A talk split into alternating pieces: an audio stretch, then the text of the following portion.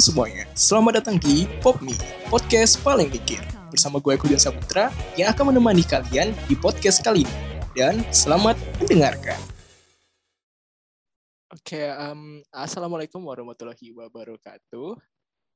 Selamat siang, selamat malam, dan selamat pagi buat teman-teman semua di luar sana yang lagi uh, mungkin mendengarkan podcast ini.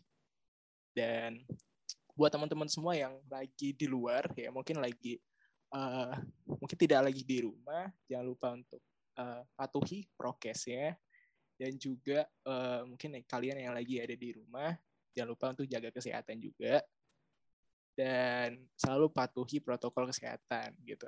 Nah sebelumnya uh, perkenalkan nama aku Eko John Saputra sebagai mahasiswa administrasi bisnis di kampus Telkom University. Angkatannya 2018. Nah, kali ini, di episode kali ini, aku sendiri akan um, membawakan topik mengenai bisnis di era pandemi lah gitu ya. Maksudnya lebih tepatnya kayak uh, bisnis-bisnis yang lagi viral dan bisnis-bisnis yang lagi digandrungi gitu ya oleh anak-anak muda sekarang gitu.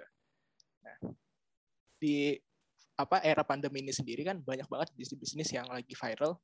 Dan salah satunya itu mengenai bisnis uh, thrift shop gitu yang lagi viral lah. Banyak sekarang di era pandemi khususnya bukan anak muda doang gitu. Tapi uh, mungkin banyak dari usia mana pun ya untuk menggandrungi namanya thrift shop ini.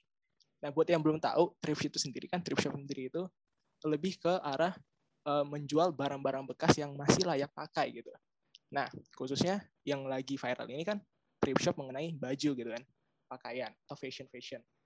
Nah, uh, di thrift shop baju kali ini kan uh, sebagai narasumber aku sekarang dia uh, adalah salah satu mahasiswi yang berani untuk apa ya lebih tepatnya berani untuk terjun ke dalam dunia bisnis khususnya di thrift shop gitu. Nah, buat teman-teman semua juga uh, di podcast kali ini kita bakal sharing-sharing kepada dia ya mengenai gimana sih uh, cara membangun bisnis, terus bisnis dia itu uh, gimana cara mengelolanya, mengelola SDM dan gimana cara spend waktu antara kuliah dan juga bisnis dan juga hal lainnya gitu. Nah, mungkin uh, langsung aja kita panggil kali ya untuk narasumber kita kali ini yaitu Kak Mutiara Sahrija mungkin boleh open mungkin ngomong dulu nih sapa-sapa dulu. Halo, halo, halo guys. Oke, oke. Okay, Mungkin dari Kak Mutiara nih, mungkin gimana nih kabarnya? Uh, Alhamdulillah baik. Baik ya, baik ya. Cukup cukup baik kah atau sangat baik? Cukup atau... baik. Okay, cukup, cukup baik sih. Kalau nggak kalau sangat baik sih nggak juga. Cukup lah, cukup. Oke, berarti cukup baik. Semoga ke depannya lebih baik lagi ya. Ya, amin. Harapannya sih kayak gitu ya. Oke, okay, oke, okay, oke. Okay. Kalau boleh tahu nih kan kita apa ya? Kita aku bikin podcast ini. Oh ya, buat teman-teman semua, uh, kenapa sih aku bikin podcast ini ya gitu. Uh, di podcast ini sendiri aku bikin untuk memenuhi uh, tugas aku yaitu tugas besar uh, mengenai podcast dan ini mengenai bisnis juga jadi aku di sini bakal sharing-sharing sama kamu Tiara mengenai bisnis gitu. Nah, dari kamu Tiara sendiri kan mungkin banyak yang belum tahu juga siapa sih kamu Tiara kok aku malah ngundang kamu Tiara nih gitu. Uh, untuk jadi narasumber aku di podcast kali ini gitu. Nah, mungkin dari kamu Tiara sendiri boleh perkenalan dulu nih. Oke. Okay. Uh, eh, halo guys, kenalin aku Mutiara. Aku dari Medan aku kuliah di Universitas Telkom jurusan uh, marketing komunikasi angkatan 2019. Nah, uh, aku sih sekarang uh, lagi sibuk sibuknya sih kuliah aja ya kuliah terus sama uh, ini karena lagi libur liburan juga ya paling aku main-main ya quality time sama teman-teman sama ya ini sama bisnis ini lagi ngejalanin bisnis ini sih Oke oke, berarti lagi sibuk masalah perkuliahan ya. Kak Mutiara sendiri tuh ikut organisasi nggak sih kalau di kampusnya? Ikut dong. Ikut ya, berarti Kak, Kak Mutiara ini emang mana ya, multitasking lah ya lebih tepatnya ya. bisnis juga, yeah. organisasi juga gitu ya. Nah, kalau Iya, betul. Oke, oke. Eh, Telkom sendiri kalau nggak salah di minggu-minggu ini lagi UAS ya, Kak ya? Iya, lagi UAS. Cuman aku udah udah selesai sih. Aku UAS cuma satu aja. Oh, cuma satu ya kalau. Berarti itu kapan tuh Kak kelarnya? Yang satu itu. Udah kelar, udah kelar. Oh, udah kelar ya. Berarti sekarang itu udah libur ya, udah masa-masa libur ya. Iya, udah. Oke, oke. Nih, tentang podcast kita ini juga kan tadi Kak Mutiara sempat bilang dia mengenai bisnisnya lagi sibuk mengenai bisnis gitu. Nah, kalau boleh tahu nih kak, apa sih bisnis kakak itu kan kalau nggak salah mengenai thrift shop. Nah, nama thrift shopnya kakak itu apa tuh? Uh, thrifthabit.co bisa di, bisa dilihat di sosial medianya ada di Instagram atau di e-commerce juga ada di Shopee di Tokopedia bisa dilihat. Oke, namanya thrifthabit.co ya? Iya, benar. Kalau boleh tahu nih kak, kenapa sih kakak bikin nama thrifthabit.co itu sebagai uh, bisnis kakak gitu, bisnis thrift shop kakak gitu? Apa tuh sejarahnya kenapa tuh? Uh, jujur sih itu spontan gitu ya, spontan yang kayak kalau thriftnya ya udah jelas ya, nah usahanya kan thrift, jenis usahanya thrift. Terus kalau yang habitnya ini nggak tahu sih kayak spontan aja gitu. Uh, kita mikir kan mikir kayak apa ya mau buat apa ya. Terus kayak habit aja gimana. Soalnya kenapa habit? Karena kan uh, kalau misalnya belanja belanja itu kan kayak khususnya untuk perempuan ya. Perempuan tuh kayak hobi belanja gitu. Nah itu jadi kayak kebiasaan gitu. Nah mikirnya tuh kayak habit. Habit tuh cocok. Cocok nggak sih kayak thrift habit? Jadi kayak kebiasaan ngetrif gitu sih. Mikirnya tuh gitu awalnya. Terus ada uh, dot ko-nya itu itu cuman sebagai lambang dari apa singkatan dari company gitu. Jadi kayak thrifthabit.co gitu. Thrift habit company gitu. Oke oke. Berarti lebih ke arah gimana ya uh, historinya kayak gimana kalau dari kakak sendiri atau mungkin teman-teman kakak yang mungkin sering belanja khususnya thrift online shop gitu ya terus dijadiin sebuah nama yaitu thrifthabit.co dan co-nya sendiri itu dari uh, kata singkatan dari company ya kayak ya. Betul kak? Ya benar. Oke oke. uh, kalau boleh tahu nih, uh, kan tadi aku udah nanya sejarah dari uh, nama thrifthabit.co. Kalau boleh tahu, tahun berapa sih kak bisnis kakak ini berdiri gitu? Kalau ditanya tahunnya sih baru ya, baru sejak pandemi itu di tahun 2020, tepatnya di bulan Juni. Masih baru sih, setahunan lah ya. Berarti bulan Juni tahun 2020 kemarin ya kayak? Ya? Iya, benar. Oke, berarti ya iya udah udah setahunan lah untuk bisnis kakak sendiri itu uh, berdiri gitu. Nah, kalau boleh tahu nih, kan tadi kakak udah nyebutin tahun, terus sejarah dari nama yang kakak buat itu. Nah, uh, dari awal mendirikannya sendiri gitu ya, kakak itu uh, ngedirin bisnisnya itu sendiri kah, ya, otodidak kah, atau bareng teman-teman kakak gitu? Coba kak ceritain tuh kak, gimana tuh? Kalau ngediriinnya sih, uh, sebenarnya awalnya pengen sendiri gitu ya. Cuman kayak uh, masih kurang berani gitu. Nah, terus ketemu sama temen yang uh, mau buat bisnis juga gitu. Nah, kebetulan gitu kan, kebetulan kayak satu satu pikiran gitu kan pengen buat bisnis. Nah, kita mikir tuh kan, eh kita cerita ngobrol mau buat bisnis. Terus ya udah terakhir kita ngejalanin tuh. Kayak berani aja gitu kan ngejalanin rame-rame. Jadi ya aku bangun bisnisnya itu sama teman-teman. Oke, berarti kalau barang teman-teman nih, nah itu di awal itu sendiri kan pasti dalam bentuk modal ya, bentuk uang dalam membangun bisnis kakak pertama itu pasti nggak nggak sedikit gitu ya. Lebih tepatnya kayak pastinya kakak harus kerja sama juga sama teman-teman kakak untuk masalah peruangan nih. Nah kalau boleh tahu itu di awalnya itu kan pasti perlu duit yang untuk starting bisnis kakak. Nah itu gimana tuh cara kakak uh, mengelolanya mungkin dalam bentuk uangnya itu gimana di awal-awal? Mungkin ya itu sih, mungkin sebagian orang uh, mikir kalau misalnya bangun bisnis itu harus punya modal yang gede. Padahal sih menurut aku sendiri kayaknya enggak uh, kayak aku ini sekarang sama teman-teman aku juga enggak dari modal yang gede. Uh, kita tuh mulai dari uh, modal yang sedikit dulu, kayak bisa boleh nggak nih aku sebutin kisaran har, apa ya nominalnya?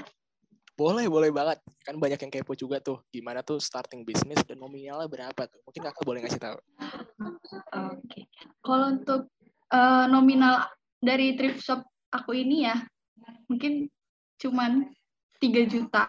Itu mungkin orang-orang berpikir kayak uh, sedikit ya, maksudnya nggak nyangka ya cuman segitu yang bisa sih sebenarnya kita uh, lebih dari itu, cuman kita tuh mikir kayak uh, gimana kalau misalnya dengan modal kita yang segini bisa nggak sih kita ngejalanin bisnis? Kita mau matahin stigma-stigma orang yang kalau misalnya bangun bisnis itu harus modal besar gitu. Nah kita tuh mau dari tabungan kita yang cuman segitu, tapi kita bisa ngembanginnya tuh jadi lebih gede gitu loh. Jadi kalau di kalau cerita modal sih kita modal kita cuma sedikit, cuma 3 juta itu udah untuk uh, barang dan packaging dan lain-lain, promosi juga.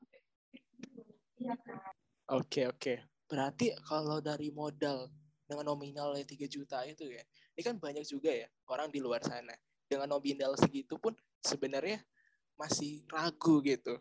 Ya, walaupun 3 juta dalam bentuk uh, nominal modal starter ya, itu sedikit, dibilang sedikit juga. Namun masih banyak yang takut gitu kan. Uh, apakah dalam 3 juta ini bakal apa ya bakal berkembang kah bisnisnya atau enggak apakah kakak ngerasain gitu enggak di awal-awal kalau di awal-awal sih mungkin karena aku jujur ya, karena ini sebenarnya bisnis pertama aku, terus juga kayak uh, apa harus harus lebih paham sama dunia di, digital gitu ya. Jadi awal-awal itu aku masih bingung gitu kan, gimana sih cara promosinya, cara cara ini, cara itu gitu. Kan.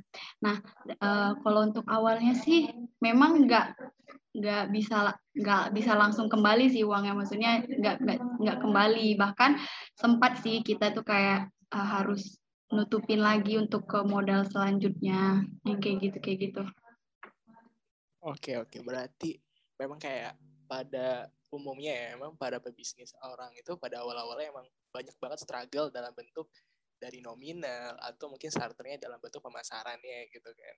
Tapi dari kakaknya sendiri itu udah udah bisa apa ya udah punya vision gitu ya dalam lebih tepatnya. Gimana caranya mengelola dengan nominal yang sedikit namun juga bisa uh, membuat profit yang besar gitu ya kak? Iya benar-benar oke oke nah kan tadi kakak udah sebutin juga dari sejarah terus uh, namanya nominalnya dalam starter gimana dan bareng siapa juga uh, mungkin aku pengen tahu nih kakak sendiri tuh thrift shopnya tuh uh, sistem penjualannya ya itu uh, online kah atau offline kalau boleh tahu gimana tuh kak? Uh, kalau untuk saat ini kita masih online ya karena kan mengingat uh, pandemi juga gitu kan. Uh, tapi sih kita ada rencana nih ada rencana mau buka offline store-nya. Cuman uh, masih butuh butuh apa pemikiran yang panjang lagi diskusi yang panjang lagi bareng teman-teman gitu mau bukanya di mana juga masih masih belum tahu jadi untuk saat ini sih masih online store aja ada di Instagram, Shopee sama Tokopedia. Oke oke. Kalau kakak sendiri udah kepikiran nih kan, udah kepikiran dari uh, awalnya online shop terus mau dikembangin ya, di expand menjadi offline store. Berarti bisa dibilang dalam waktu satu tahun ini pendapat kakak lumayan ya kayak uh, kalau dibilang lumayan lumayan sih alhamdulillah kalau boleh tahu tuh kan dari kakak bilang kalau lumayan berarti uh, kakak nggak usah sebut nominalnya ya tapi kira-kira bisa beli apa tuh barang apa kalau dalam waktu sebulan profitnya Uh, beli apa ya? Uh, kalau aku sih, ini kalau dari pengalaman ya, ini boleh kan ya dari pengalaman aja. Hmm, kalau aku sih, alhamdulillah bisa ganti HP ya, bisa lumayan. Oh, berarti kalau dibilang ganti HP, ya lumayan tuh nutupin ya. Bisa dibilang uh, apakah dari profit yang dibilang kakak tadi itu bisa nutupin ini juga nggak kayak uh, kebutuhan-kebutuhan lain yang untuk bisnis gitu. Misalkan untuk membeli bahan-bahan bakunya atau yang lain itu bisa ter tercukupi atau tidak kak? Kalau itu sih udah pasti ya, maksudnya kayak ya alhamdulillah tercukupi. Kalau uh, kalau profit di luar itunya yang kayak aku bilang tadi tuh, nah itu aku bisa alhamdulillah bisa ganti HP gitu. Kalau misalnya yang untuk kebutuhan bisnisnya sih alhamdulillah terpenuhi, bisa mencukupi dari profit-profit itu. Oke, Widi keren banget. Tapi aku pengen tahu lagi nih. aku banyak nanya banget ya. aku pengen tahu. apa-apa. Kan tadi masalah uh, profit dan di awal juga kakak bilang uh, dalam berdirinya thrift shop ini kan barang teman-teman kakak nih uh, dalam pembagian keuntungannya itu gimana tuh kak dari profit yang kakak dapat dari bisnis kakak ini? Uh, jadi kita tuh uh, mengakumulasinya itu per bulanan gitu ya. Jadi kita nih ngumpulin omset kita satu bulan, uh, baru nanti kita bagi hasilnya tuh di bulan di satu bulan selanjutnya gitu loh. Nah kan aku kan bareng teman-teman nih. Nah kalau kita itu sistemnya 50% untuk kita, profitnya nanti itu 50% untuk kita, terus 50% lagi itu kita putarin untuk ke modal baju-baju yang selanjutnya. Nah, dari 50% ini kita bagi lagi ke uh, ke aku dan teman-teman aku gitu. Jadi 50% untuk kita pribadi, 50% untuk ke uh, bisnisnya ini diputarkan lagi gitu. Oke, oke. Jadi mungkin udah diperhitungin banget ya dari namanya pembagian keuntungan dan juga gimana bisnisnya untuk ke depannya gitu. Nah, tadi kan bisa dibilang tadi kakak uh, sempat nyinggung masalah offline ya. Nah, offline store ya. Nanti kalau kakak sendiri misalkan ya, untuk ke depannya kakak udah mempunyai modal yang cukup dan udah tahu nih konsepnya gimana, kakak sendiri pengen bikin offline store-nya itu bentukannya toko kah? Uh, kayak distro-distro gitu atau nanti di pasar tuh kayak kan banyak juga thrift shop itu uh, kalau kita uh, ambil umumnya ya itu kan banyak thrift shop yang di pasar gitu ya di tempat pasar-pasar. Nah kakak sendiri mau ngambil offline store-nya itu bentukannya gimana tuh? Pengennya sih kayak ini ya kayak ruko gitu ya ruko. Terus uh, dibuat ada desain desain yang ya kekinian gitu. Jadi kayak uh, kesannya tuh thrift shop ini apa ya kalau misal kan ini meskipun barang bekas ya orang-orang tahu ini barang bekas gitu ya nah uh, kalau aku sih bayangannya pengen kayak nge-branding dari barang-barangnya ini meskipun barang bekas tapi bukan bukan sembarangan barang gitu. Jadi kayak tetap berkualitas gitu. Jadi aku pengen buat desain-desain kekinian yang minimalis gitu. Oke, oke. Berarti kakak ini harus tetap mempertahankan esensi dari keestetikannya gitu ya. Oke. Ya benar dong. Oke, oke. Lo nih lumayan nih. Dari tadi kita udah ngobrol udah banyak banget dapat insight juga dari Kak Mutiara. Dari awal gimana berdirinya gitu ya. Terus pembagian keuntungan ya. Terus profit dan lain-lainnya nominal dari starting bisnisnya berapa itu. Banyak banget dikasih tahu sama Kak Mutiara. Dan itu emang keren banget dari kakak Mutiara dan teman-temannya dalam membangun bisnis si triphappy.co ini gitu. Nah, kan dari tadi kakak uh, udah kasih tahu nih ya mungkin ada struggle-struggle sedikit uh, boleh disebutin nggak sih kak struggle-strugglenya itu apa aja tuh di luar dari uh, mungkin uang ya di luar dari masalah uang ada struggle-struggle lain nggak kak?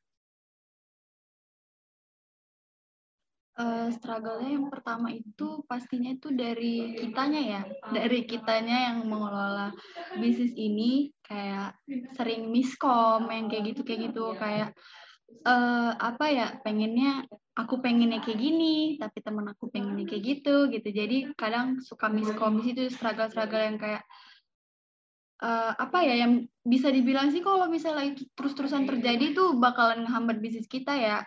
Itu awal-awal tuh sering kayak gitu sih kayak kurang pengertian satu sama lain. Sama uh, yang kedua itu ke konsumennya. Kayak uh, apa ya jenis banyak kan jenis-jenis konsumen ini yang kayak uh, banyak yang inilah itulah banyak maunya yang kayak gitu. Jadi kayak harus sabar ngadapinya yang kayak gitu kayak gitu sih kayak lebih ke SDM-nya sih Oke oke, berarti itu emang ya struggle struggle itu mulai dari internal ada, terus juga eksternal pun ada gitu. Nah, kalau boleh tahu dari apa struggle struggle yang kakak bilang tadi, uh, pengen tahu dong gimana sih kakak mengatasi masalah-masalah tadi gitu. Nah, kalau kita sih uh, banyakin ini ya, banyakin komunikasi, kayak sering diskusi bareng, komunikasian bareng, kayak gitu. Kalau misalnya ada masalah atau ada apa gitu, langsung diomongin gitu loh, jangan dipendem-pendem, terus ntar akhirnya jadi masalah baru gitu. Jadi kayak kalau misalnya kurang suka atau gimana, langsung kita uh, bicarain aja di situ gitu. Nanti masalah keputusan keputusannya apa itu belakangan gitu. Yang penting udah udah diceritain dulu apa apa yang uh, yang jadi unek-unek dari masing-masing gitu. Intinya sih cara ngatasinya sih komunikasi. Oke oke. Tapi kalau dari eksternal sendiri gimana tuh kak? Tadi kan kakak sempat nyinggung juga masalah customer yang mungkin agak rewel atau banyak maunya. Nah itu tuh gimana tuh kakak ngatasinnya? Nah kalau itu kan uh, gimana ya namanya customer mereka tuh raja gitu ya nah jadi kan kita tuh harus ya intinya tuh di kita jadinya kan kita harus sabar kayak kita tuh ngeladeninnya sopan ya meskipun kita kayak ngedumel ya dalam hati kayak ih apaan sih ini ih udah di udah dijelasin pun gitu misalnya dalam hati cuman ya kembali lagi ke kitanya karena kita tahu uh, customer itu adalah raja jadi ya udah kitanya harus harus apa ya sabar terus uh, tetap tetap ceria-cerianya online shop gitu deh. Oke oke berarti berarti bisa dibilang ini agak lucu juga ya. Jadi bisa dibilang kita kalau sebagai penjual ya khususnya nih dalam bentuk online shop gini ya kita harus sedikit punya muka dua juga ya, yaitu muka dua untuk customer dan juga muka dua di dalam hati gitu ya. Gimana kita memperlakukan customer sebagai raja, tapi dalam hati juga kita masih ada unek-uneknya gitu ya kayak. Ya. Iya benar. Kayak apa ya? Ih, mereka tuh kan ibaratnya kita butuh mereka ya nggak sih? Kayak apa pun ceritanya kita tuh butuh mereka gitu. Jadi kita harus memperlakukannya baik meskipun ya kita kan manusia juga ya. Kalau misalnya diribet-ribetin gitu kesel kadang. Cuman ya ya udahlah nggak apa-apa gitu Oke oke oke. Ini ini agak OOT juga ya. Ini agak jauh juga pertanyaannya dari pertanyaan sebelumnya. Tadi kan udah di uh, kakak jelasin juga masalah apa ya seragam-seragam juga dan cara ngatasinnya tadi udah kakak kasih tahu.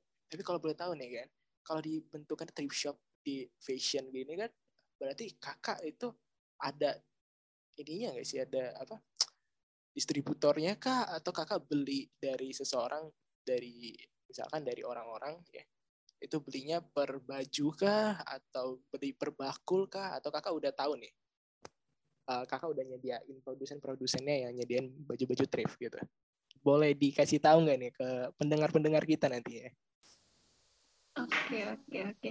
Nah kalau kita tuh uh, ini ya kita masih ke pasar-pasar gitu, cuman kita tuh ke yang ke, uh, ke tempat yang emang pusat sortiran gitu loh. Jadi kita datang ke pasar, kita ngesortir sendiri barang-barangnya. Kayak kalau misalnya di pasar tuh namanya narget ya, namanya narget. Jadi kayak kita narget uh, dengan harga misalnya harga 3 juta, kita dapat 50 piece gitu kan. Nah kita ngesortir tuh dari karung-karungnya itu langsung. Jadi kalau kita sekarang masih ngesortir gitu dari pasar-pasar.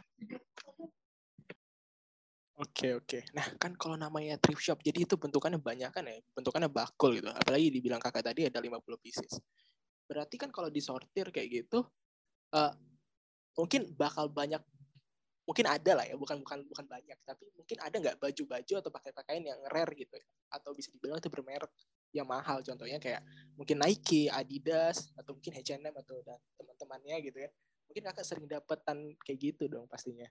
Benar gak kak? Iya, kalau yang bermerek banyak banyak banget. Cuman kalau yang bermerek itu biasanya harganya lebih lebih mahal gitu.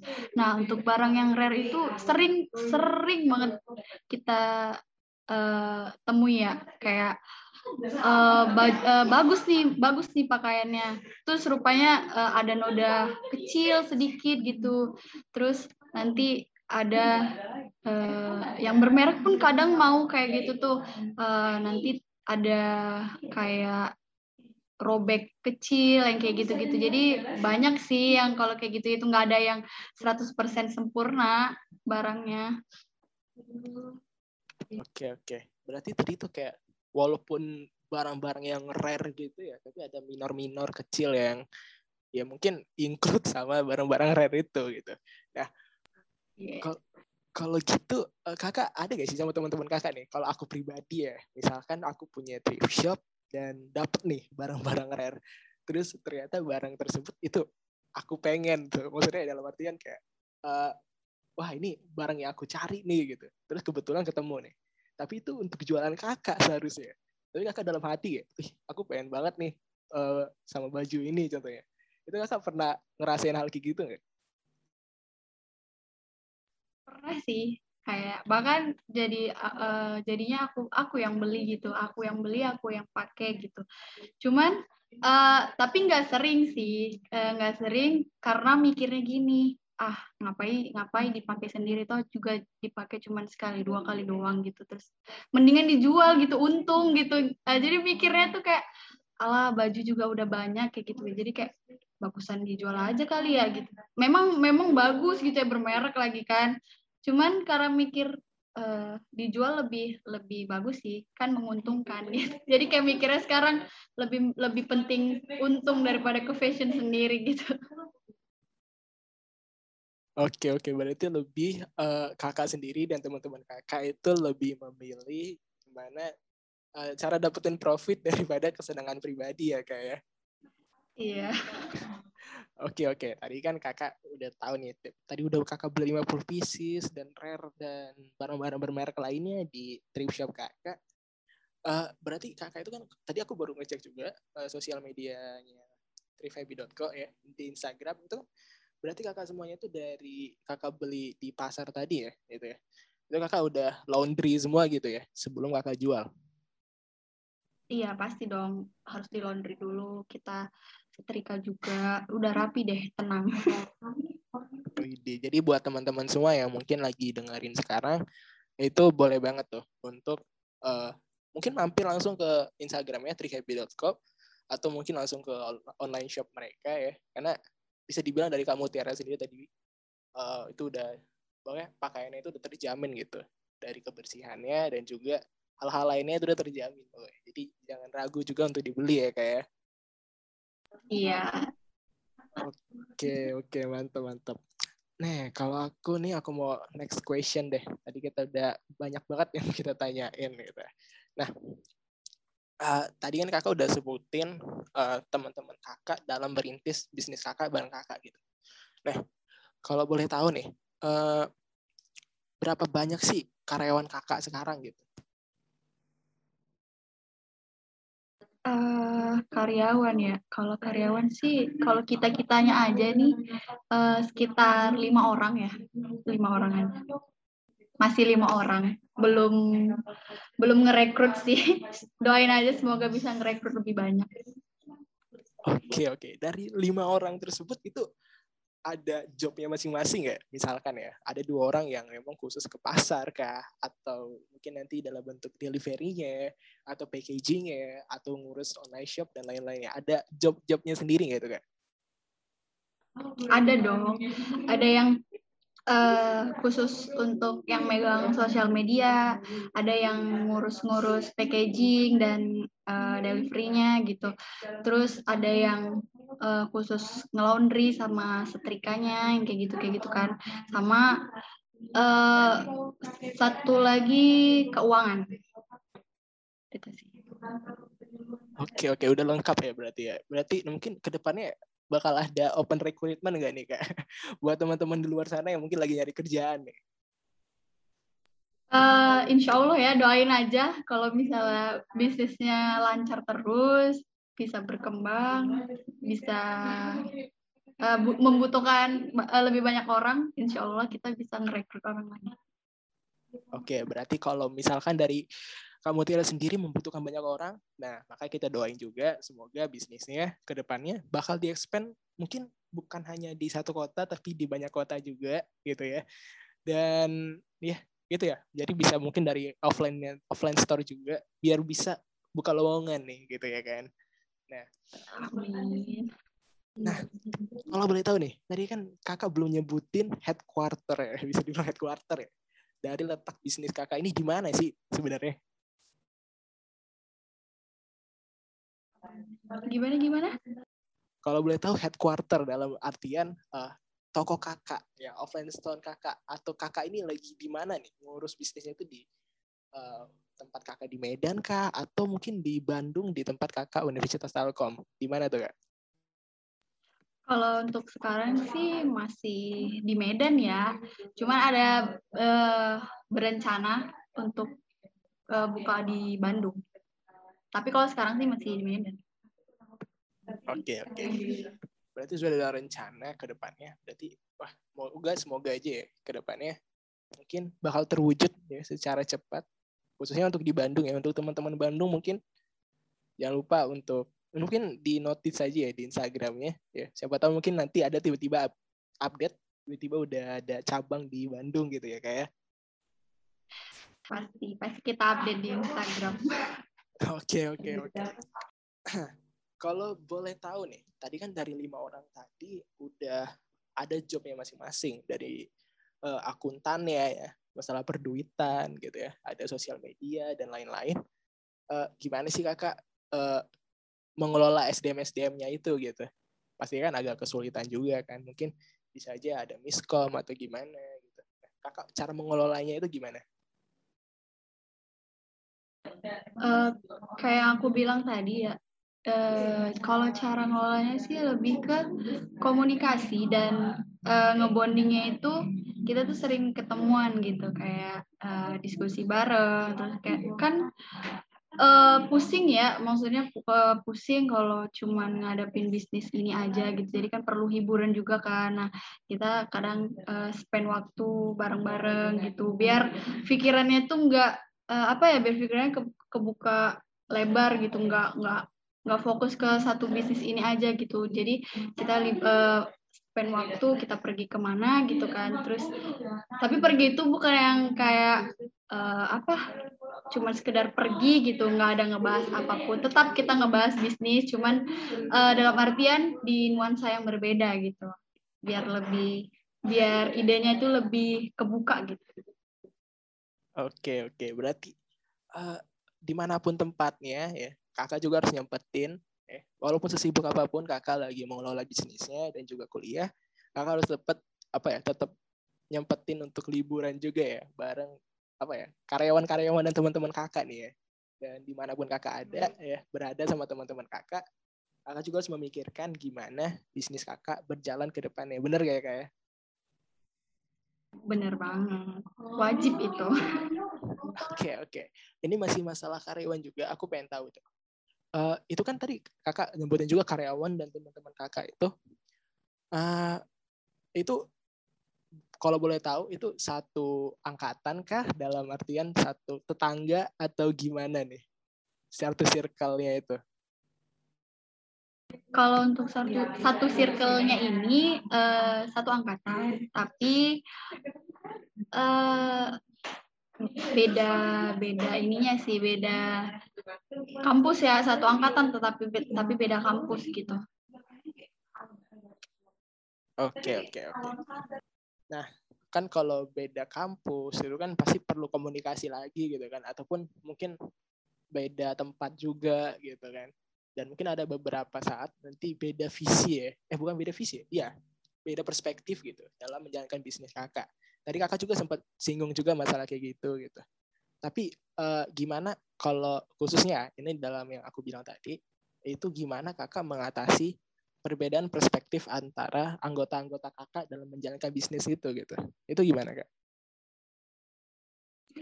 Nah, kalau yang kayak aku bilang tadi juga, nah kita tuh harus uh, diskusi bareng-bareng gitu ya, kayak ngumpulin uh, perspektif aku gimana, perspektif dari teman-teman aku tuh gimana. Nah, baru kita uh, duduk bareng gitu kan, kayak kita ceritain uh, ini tuh gini, gini, gini, gini. Terus um, minta minta yang terbaik dari masing-masing dari dari aku dan teman-teman aku gimana baiknya gitu. Jadi uh, intinya sih duduk bareng ya, duduk bareng uh, uh, ngasih perspektif masing-masing, baru kita bisa uh, nentuin gimana uh, hasil akhirnya gitu. Jadi kalau aku sih lebih ngutamain duduk bareng sih, nggak nggak bisa nggak bisa ngambil keputusan sendirian kalau kayak gitu kayak gitu. Oke oke, berarti nih ya bu teman-teman semua yang lagi dengerin juga ya. Jadi itu dari kata kamu Tiara sendiri, kalau misalkan kalian semua itu uh, punya bisnis dan kebetulan itu sama teman-teman kalian juga gitu ya. Berarti kalian itu misalkan ada perspektif yang beda ya. Jangan jangan bikin perspektif itu kayak uh, harus yang disalahkan gitu. Tapi kalian harus memikirkan titik tengahnya bareng-bareng biar dapat keputusan yang sama ya kayak ya. Benar. Harus gitu. Oke oke oke. Uh, kalau boleh tahu nih ini sekarang pembahasannya agak-agak berat nih. Kalau gini, uh, kan kakak udah menjalankan bisnisnya udah setahun lah gitu. Nah, strategi apa yang kakak pakai khususnya dalam strategi marketing gitu di bisnis kakak sekarang? Nah, kalau aku sih uh, strategi marketingnya mungkin lebih ke promosi ya, promosi lewat uh, Instagram Ads, terus juga kayak nge-paid promote selebgram selebgram kayak gitu. Tapi selebgramnya itu uh, kita posisinya di sini selebgram yang belum terlalu terkenal. Ya misalnya bukan terlalu terkenal sih kayak belum bisa yang kayak Keanu dan lain-lain tuh itu udah influencer ya. Maksudnya selebgram selebgram kota gitu ya.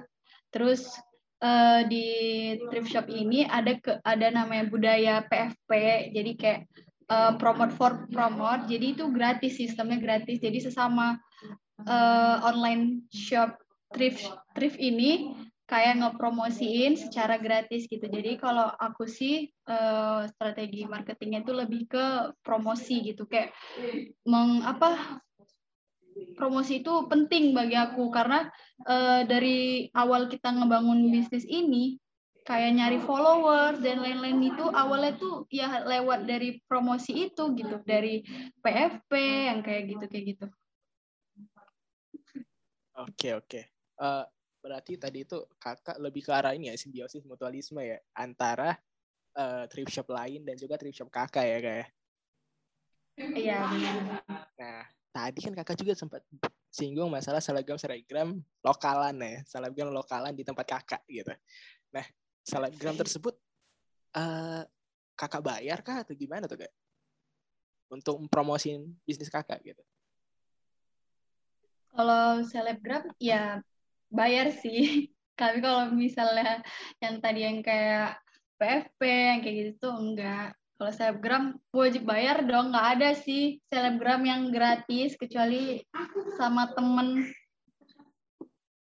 Oke. Okay. Tapi tapi emang nggak ada ya kayak ya? mungkin di circle kakak di Medan sana gitu ya. Mungkin nggak ada selebgram yang teman kakak kah biar bisa dipromosiin gitu. Uh, meskipun ada, cuman kayak gimana ya uh, menghargai sih. Aku kayak lebih menghargai. Uh, ya meskipun dia teman gitu kan, cuman kan kayak ibaratnya selebgram itu udah jadi pekerjaan dia gitu kan. Jadi ya meskipun teman aku tetap ngehargain dia tetap harus bayar gitu. Ada cuman kayak eh, nggak uh, enak aja gitu kalau misalnya aku nggak bayar. Oke oke oke. Berarti sesama pencari cuan itu harus saling menghormati lah ya kayak ya? iya penting itu sih. Oke oke. Tapi kakak ada kepikiran nggak sama teman-teman kakak? Tadi kan kakak katanya belum belum ke arah yang apa ya mau promosiin ke influencer-influencer gitu.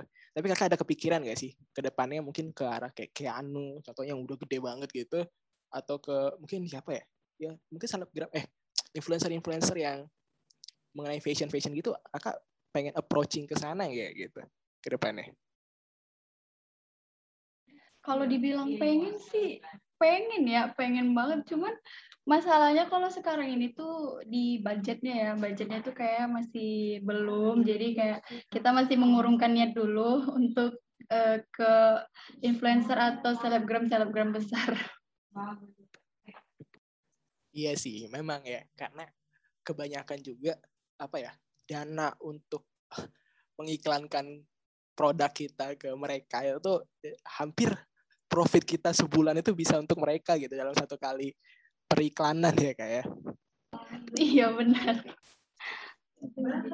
Oke oke, berarti ya mungkin nanti ke depannya kita doakan aja semoga mungkin nanti bisnis kakak itu udah profitnya 2 sampai 10 kali lipat lebih besar dari sekarang biar bisa approaching mungkin bukan hanya influencer lokal ya Indonesia gitu kan bisa saja nanti influencer luar sana ketagihan thrift shop gitu kan dari Rusia Amerika gitu bisa kakak approaching gitu? Ya amin amin semoga. Oke oke oke. Nah kalau dari kakak tadi kan udah udah banyak banget apa ya insight-insight yang udah kakak kasih gitu. Nah sekarang kan pasti kakak bukan hanya apa ya menjalankan bisnis kakak sekarang gitu. Tapi juga kesibukan-kesibukan lain kakak banyak banget yang kakak lakuin gitu. Khususnya di organisasi yang kayak kakak bilang tadi. Itu kakak kan ikut organisasi kayak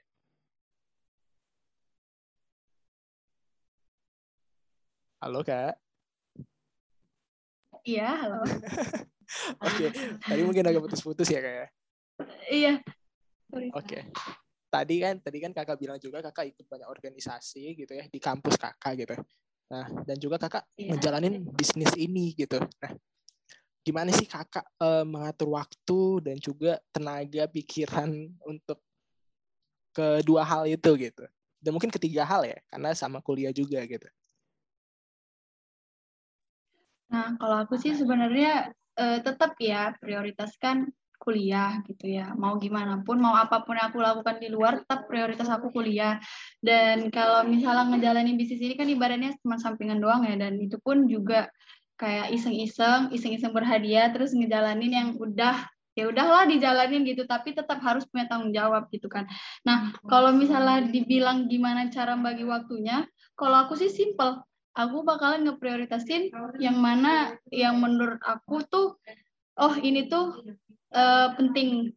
Ini tuh ini tuh yang paling penting yang dikerjain. Meskipun yang satu ini juga penting tapi mana yang lebih penting di antara dua itu dua hal itu misalnya. Jadi aku tuh selalu memprioritaskan yang mana yang lebih penting dulu gitu. Termasuk pembagian waktu juga kayak gitu. Oke oke oke. Berarti kakak kakak ini seorang mahasiswa yang ambis juga gak sih uh, ambis ambis gimana nih? Ambis, ambis yang fokus fokus belajar gitu atau gimana ya? Iya bisa dibilang kayak gitulah. Kalau aku kalau aku sih sistem belajar aku tuh fleksibel. Maksudnya kayak uh, gimana ya? Aku juga nggak bukan tipe tipikal orang yang belajar tuh fokus gitu, fokus banget gitu kan. Nggak, aku juga nggak bisa kayak gitu. Jadi aku tuh juga uh, gimana ya kalau belajar ya udah mau belajar aku belajar kalau misalnya lagi moodnya nggak bisa misalnya nggak lagi nggak pengen belajar gitu ya udah aku nggak nggak akan belajar kayak aku lebih milih jalan-jalan kayak gitu ya berarti berarti seorang apa ya seorang bisnis anak muda sekarang aja masih masih ini ya kayak ah yang penting penting gue gak mau nyusahin diri gue sendiri.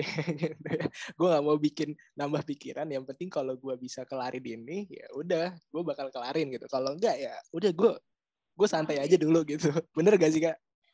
Iya benar. Karena gimana ya itu juga apa nambah pikiran gak sih kalau kayak gitu? Maksudnya kalau uh, udah harus mikirin ini, mikirin itu, nambah beban jadinya bagus. Ya udah deh, jalanin aja, jalani aja. Tapi meskipun jalanin aja, tetap sesuai di koridor gitu ya. Jalanin aja bukan kayak eh, cuek kayak pasrah gitu. Enggak enggak sih. Enggak pasrah juga. Aku aku juga tetap mentingin IP aku kok. Tenang. Oke oke oke oke Nah, tadi kan kakak udah masalah perkuliahan juga, tadi kan organisasi juga. Tadi aku juga udah sempat nanya juga kan masalah kakak ambis atau enggak ya. Nah, sekarang aku tanya nih, kalau di organisasi kakak tuh uh, sibuk banget gak sih atau gimana gitu? Kayak kakak emang ambis di kepanitiaan juga gak sih? Kalau dibilang ambis kepanitiaan sih, uh, dibilang ambis gak sih kalau misalnya aku ngikutin dua sampai tiga kepanitiaan? Iya nggak ya? Sebenarnya aku ikut ke panitian itu kayak uh, apa ya? Uh, refreshing menurut aku tuh kayak ketemu-ketemu orang, ketemu-ketemu orang baru gitu kan kayak ngelihat ngelihat ngelihat oh ini ini ini itu refreshing buat otak aku uh, kan kalau apalagi online gini kan ya uh, yang aku lihat tuh cuma laptop terus kalau misalnya kuliah dosen dosennya itu yang selama enam bulan tuh itu itu aja gitu kan. Nah kalau di kepanitiaan ini kan aku bisa ketemu sama uh, teman-teman yang dari berbagai jurusan gitu nggak yang cuma dari jurusan aku aja gitu kan. Jadi kayak nemu-nemu oh ini dari jurusan ini oh ini gitu. Kayak sekalian cuci mata gitu ya. Bisa dibilang cuci mata kali ya? Oke oke oke. Berarti seorang kak Mutiara ini yang berbisnis juga iya gitu organisasi juga. Iya tapi kayak masih memikirkan gimana ya? Kayak kepanitiaan organisasi itu sebagai untuk refreshing gitu. Karena banyak juga ma ma mahasiswa di luar sana yang mikirnya kayak ya oh ini gue uh, organisasi itu buat mencari kemampuan eh, kemampuan jati diri atau mencari ilmu baru gitu. Atau mungkin kalau di Telkom University ada yang namanya TAK gitu kan. Tapi kakak sendiri itu beda gitu kayak ah gue pengen refreshing aja gue gabut nih gitu. Gue gak tahu mau ngerjain apa gitu. Bener ya kayak ya? Iya benar. Kalau misalnya uh, nyari TAK gitu ya aku nggak um, nggak mau sombong sih. Cuman kalau TAK mah gampang gitu dicari nggak harus ikut kepanitiaan gitu. Kalau TAK mah ya ikut webinar webinar udah udah bisa dapat TAK terus kalau misalnya nyari ilmu emang bener sih dapat ilmu dengan sendirinya ilmu kehidupan ya kayak uh, ketemu orang terus ngat ngatasi masalah itu gimana yang kayak gitu kayak gitu. Cuman ya menurut aku tuh ya uh, kayak bonus aja bonus dari aku refreshing gitu. Bonusnya dapat ketemu orang yang berbeda dengan aku yang ya pokoknya gitu deh yang kadang nggak sepemikiran sama aku kayak gitu. Itu bonus aja sih menurut aku Oke oke tuh ya berarti seorang Kak Mutiara udah ngasih tahu nih perspektif dia mengenai organisasi dan juga bisnis gitu ya. Jadi buat teman-teman semua khususnya untuk mahasiswa dan mahasiswi Telkom University ya gitu. Seorang kamu Tiara saja yang mempunyai bisnis yang yang lumayan sudah satu tahun ini gitu ya. Tapi dia tetap uh, ya jangan risau lah gitu sama namanya perkuliahan gitu. Memang harus dijalani dengan sungguh-sungguh gitu ya. Tapi ya tetap sewajarnya aja jangan membuat uh, apa ya segala bentuk hal di perkuliahan itu jadi tekanan gitu. Nah, dan khususnya tadi di organisasi gitu ya. Kayak dari kamu Tiara tadi bilang gitu ya. Ya buat refreshing aja. Nah, gitu. Jadi buat teman-teman semua khususnya untuk Telkom University ya, kan bentuknya ada TAK TAK gitu untuk ikut kepanitiaan. Jangan risau kalau ke TAK-nya belum penuh gitu. Santai aja kayak kamu Tiara gitu ya. Mungkin bisa ikut webinar atau ikut organisasi yang volunteer-volunteer lah yang nggak capek-capek tapi TAK-nya bakal penuh ya kayak ya. Iya benar. Banyak tuh uh, webinar-webinar di Telkom tuh kayak kita ikut sekali udah dapat berapa poin ikut lagi dapat berapa poin. Ya udah ngumpulin aja dari situ. Gampang kalau kita cerita poin TAK ya. Easy lah. Oke oke. Ini mantul banget nih karena kita tadi udah bahas segala bentuk uh, bisnisnya Kak. Mutiara uh, gimana dia di perkuliahan dan juga organisasi yang digeluti ya nah kita udah kayaknya udah penutupan aja nih karena udah lama banget sih udah kayak podcast ya Deddy Corbuzier Nah, makanya kita udah di penutupan. Nah, di penutupan kali ini aku pengen nanya mungkin pertanyaan-pertanyaan terakhir dan ini pertanyaan lebih ke arah tips and trick. Nah, mungkin aku pengen tahu dong. Dan kakak kamu Tiara sendiri kasih tahu ke penonton dan pendengar di sana ya, di luar sana yang lagi dengerin sekarang gitu. Uh, coba kasih tahu dong tipsnya and triknya gitu ya untuk memulai bisnis dari nol. Boleh tuh kak? Kalau tipsnya dari aku sih intinya yang pertama tuh niat ya, niat apa pun ceritanya, apa pun yang mau kita lakukan itu harus niat, niat dulu.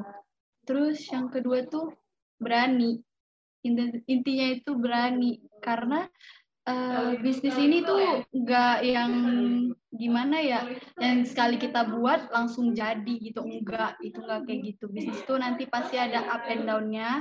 Nah kalau kita udah berani mulainya apa pun nanti rintangan yang kita hadapi di depan kita kayak ya udahlah kita masih bisa maksudnya kita tuh bisa dengan cepat bangkit gitu loh.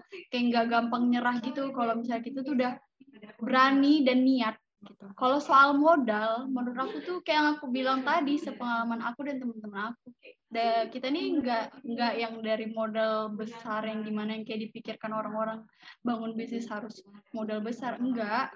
Ya intinya kita jalani aja dengan modal seberapa yang kita punya, gimana kita memanage keuangannya, kita bisa uh, apa mengembalikan uh, eh ngemut apa mutarkan lagi uangnya untuk kita jadiin uh, bisnis-bisnis selanjutnya kayak gitu sih. Oke oke, berarti untuk teman-teman di luar sana nih yang lagi dengar, kalau kayak kata Mutiara itu kan uh, dalam membangun sebuah bisnis dari nol itu ya yang penting itu actionnya gitu. Kalau kalian udah punya ide, udah punya konsep, yang paling utamanya tuh actionnya gitu. Jangan kelamaan. Nanti kan kalian di bumi ini ada beberapa juta manusia yang mungkin punya ide yang sama sama kalian gitu.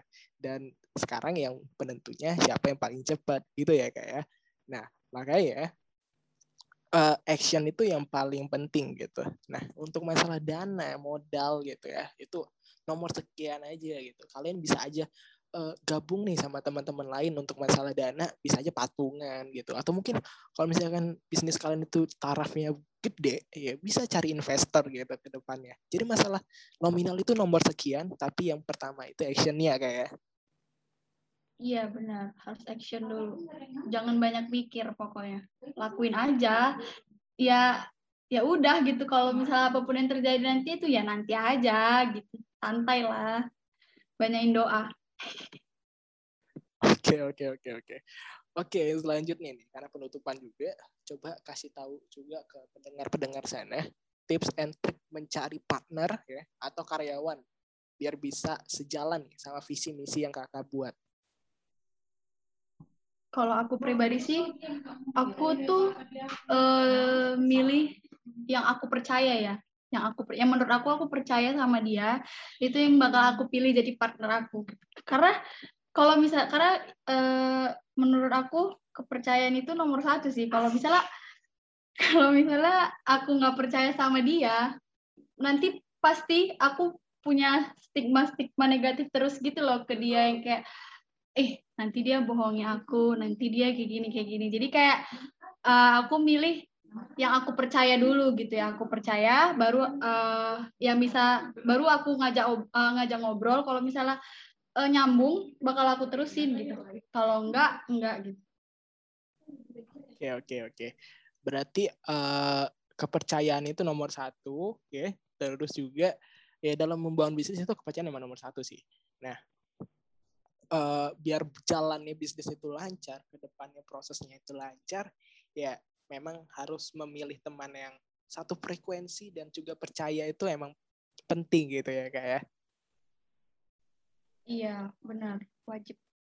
Oke oke jadi nah itu tips and trick juga dari kamu Tiara dan juga perjalanan dia dalam membangun bisnis yang trip shop ini dalam satu tahun ke depan eh satu tahun ke depan satu tahun ke belakang ya dari nol sampai titik ini ya dan untuk podcast kali ini mungkin itu saja. Namun uh, mungkin buat teman-teman semua yang lagi dengar boleh banget untuk cek uh, sosmednya triphappy.co ya, ada di Instagram ya kayak ya. Dan juga uh, mungkin online shopnya. Di online shopnya sendiri itu dengan nama yang sama kak atau gimana kak? Uh, kalau untuk di Tokopedia-nya Thrift Habit Co. Nggak pakai dotnya tapi kalau yang di Shopee thrifthabit.co sama.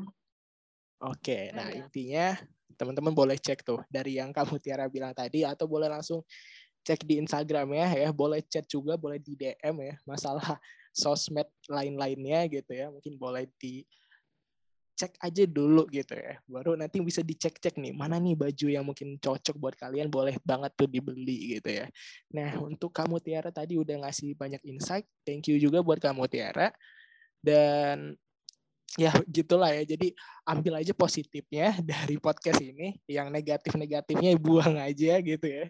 Dan uh, thank you buat kamu Tiara udah nyempetin waktunya juga untuk jadi narasumber di podcast aku ini. Ya, udah ngasih insight juga kepada pendengar-pendengar sekarang. Mungkin dari kamu Tiaranya boleh nih. Untuk penutupan ada kata-kata lagi ya uh, untuk closing statement dari aku sih kayak uh, ya intinya tuh semua itu harus berani ya, berani dan niat sama percaya aja apa pun yang kita lakukan. Kalau misalnya niatnya itu baik dan apa ya bermanfaat. Ya intinya pasti bermanfaat untuk kita dan orang lain. Lakukan aja. Nggak usah nggak usah banyak mikir uh, take action terus ya udah lillahi ta'ala sih. Kalau di agama aku bilangnya gitu. Ya, oke oke. Mantap mantap. Oke itu close statement dari kamu Tiara juga sekaligus menjadi penutupan dari podcast kita kali ini gitu ya. Thank you juga untuk kamu Tiara ya. Untuk ke depannya mungkin kita bisa podcast podcast lagi ya. Kalau misalkan ada waktu dari kamu Tiaranya dan juga boleh boleh. Oke mantap. Thank you banget kamu Tiara dan juga uh, mungkin dari teman-teman semua yang lagi dengar seperti yang di awal saya bilang uh, jangan lupa untuk yang lagi di luar gitu ya, mungkin patuhi juga protokol kesehatan dan juga yang lagi di dalam rumah selalu jaga kesehatannya ya. Jangan keluar kalau nggak penting dan selalu minum vitamin ya, jaga kesehatan dan lain-lain sebagainya. Dan ini juga sebagai penutup podcast aku ya dan uh, sampai jumpa di episode-episode podcast selanjutnya. Ya mungkin bakal kita ketemu ya gitu. Dan thank you semua yang udah dengerin sampai habis. Uh, wassalamualaikum warahmatullahi wabarakatuh. Thank you semua.